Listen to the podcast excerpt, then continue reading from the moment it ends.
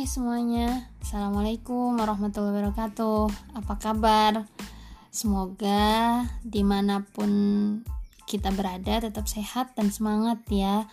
Dan jangan lupa stay safe, stay healthy, stay positif Stay aktif, stay produktif. Pokoknya tetap lakukan hal-hal yang positif.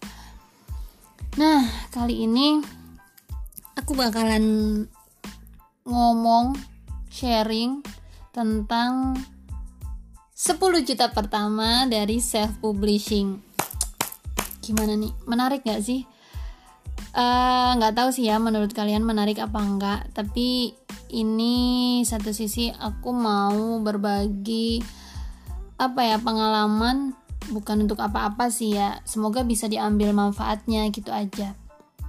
Jadi terkadang kita mungkin bingung ya kalau misalnya uh, mau mulai nulis itu atau mungkin mau nerbitin gitu kan mau nerbitin self publishing atau ke mayor gitu. Sebenarnya mau mayor atau self publishing itu sama aja sih kalau menurut aku pribadi ya ya memang sih. Emang kalau misalnya mayor itu pasti pemasarannya lebih luas jangkauannya lebih luas. Dalam artian didistribusikan ke setiap toko buku seluruh Indonesia. Tapi nggak menutup kemungkinan juga yang namanya self publishing bisa uh, sukses itu banyak kok penulis-penulis yang memulai debutnya dengan self publishing. Contohnya banyak banget.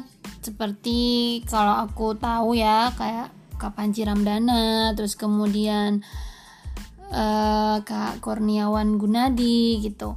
Bahkan uh, Mas Ahmad Rifai Rifan pun pertama kali dalam berkarya itu juga menuliskan ya awalnya memang beliau ceritakan nulis aja gitu ya di blog.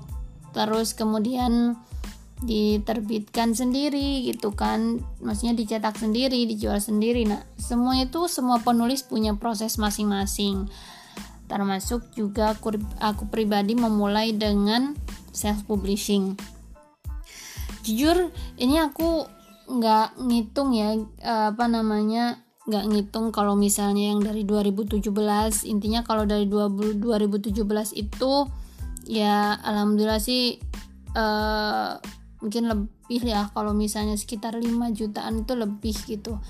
Tapi karena ketika itu aku kuliah gitu kan kuliah pasca sarjana jadi uang yang masuk itu ya lebih buat langsung dipakai gitu. Jadi nggak tabungannya buat save buat saving di tabungan itu masih masih kepake kepake terus gitu kan entah itu buat beli buku entah itu buat ngerjain tugas entah itu uh, buat tambahan jajan gitu kan.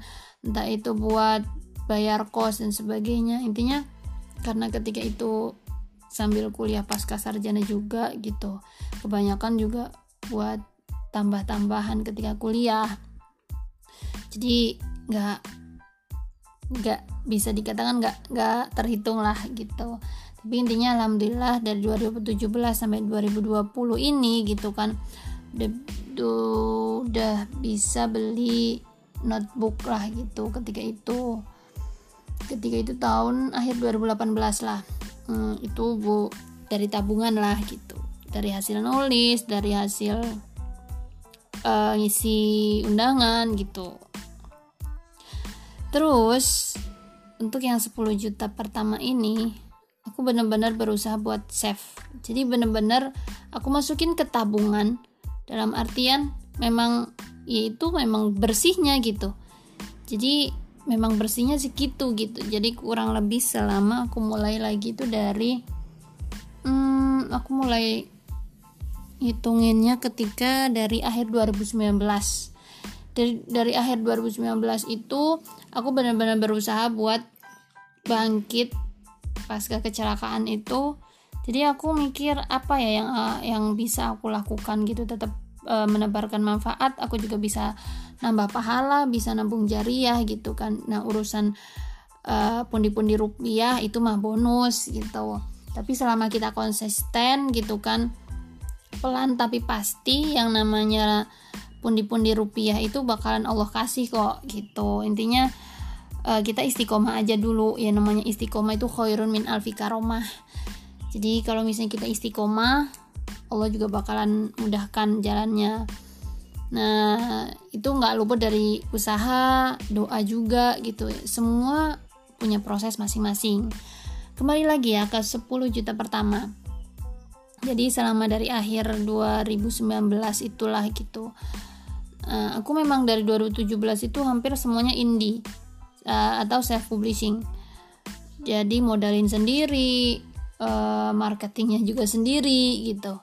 Jadi intinya ya kita bagaimana kita bisa buat apa ya bisa memasarkannya itu dengan jangkauan yang luas gitu. Untuk selama ini aku belum pernah sih pakai promosi dalam artian promosi yang berbayar gitu ya. Aku belum pernah. Tapi aku selama ini promosinya bener-bener uh, berusaha aja gitu buat memanfaatkan apa yang ada. Posting di sosmed posting di Instagram posting di Facebook posting di WhatsApp gitu.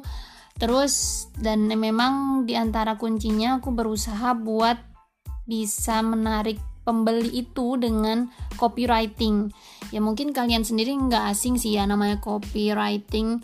Itu memang dibutuhkan bukan cuma buat penulis juga ya semuanya gitu. Bahkan eh, apa namanya platform atau web yang menjual dagangan pun juga butuh yang namanya copywriting. Nah, itu. Tapi jangan lupa juga intinya banyak doa juga ketika sebelum posting ya bismillah juga minta sama Allah terus banyakin sholawat banyakin doa berusaha juga jangan lupa sedekahnya gitu. Karena e, harta kita itu ya apa yang kita sedekahkan gitu. Itu sih di antaranya. Jadi selama ini kurang lebih hampir 10 hampir mau 11 buku lah ya. Eh berapa ya? Berapa buku ya? Kalau nggak salah hitung dari mulai bukan cinta biasa terus autumn in Darussalam terus kemudian ada banyak banget sih. Nah kebetulan aku juga buka uh, kelas nulis online yang berbayar. Dalam artian memang ketika aku uh, membuka ini gitu kan memang berbayar juga dan dengan benefit yang ada value uh, punya nilai dan juga uh, intinya sesuai lah dengan benefit tersebut gitu. Dan itu sih di antaranya di antara tipsnya ini ya terus aja berkarya, jangan pernah putus asa, terus aja berkarya, jangan lupa berdoa terus gitu kan istiqomah dalam kebaikan.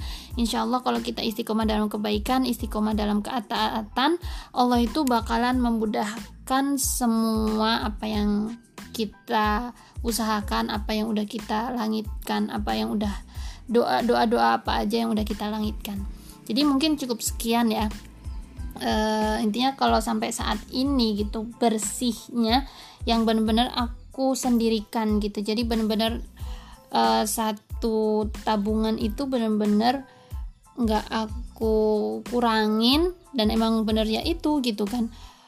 Uh, hasilnya itu worth it nggak sih yang namanya jadi penulis dan menulis menerbitkan dari self publishing nah kalau menurut aku pribadi worth it banget selama kita mau berusaha selama kita mau berdoa insya Allah gak ada yang sia-sia gak ada usaha yang kita lakukan tuh sia-sia Gak ada doa yang kita langitkan itu sia-sia karena Allah itu selalu menghargai proses yang kita lakukan. Allah tahu apa yang kita butuhkan dan Allah juga menghargai setiap proses yang udah kita lakukan. Ketika kita udah melakukan segala sesuatu berusaha untuk maksimal, Allah juga insya Allah bakalan memberikan yang terbaik buat kita. Intinya jangan pernah putus asa sama rahmat Allah. Dan kalau kita mintanya ke Allah nggak bakalan ada rasa kecewa nggak nggak bakalan ada intinya nggak bakalan ada sedih-sedihnya deh. Ya namanya hidup pasti ada up and down ya. Mau sedih itu wajar. Tapi nggak usah lama-lama gitu. Intinya kita deketin Allah aja terus. Insya Allah hidup kita juga bakalan mulus gitu dan jangan lupa terus berusaha untuk belajar. Jangan pernah merasa bisa jangan pernah tinggi hati. Intinya belajar dari padi semakin tinggi semakin merunduk. Ketika kita semakin berada di atas berarti harus semakin tawadu gitu. Apalagi kita harus sadar bahwasanya ilmu yang Allah berikan itu hanya sedikit gak ada seujung kuku gak ada seujung jar kuku jari itu gak ada. Jadi jangan sampai kita jadi orang yang tinggi hati naudzubillah oke mungkin sekian ya tips dari aku. Semoga bermanfaat. Wassalamualaikum warahmatullahi wabarakatuh. Stay produktif. See you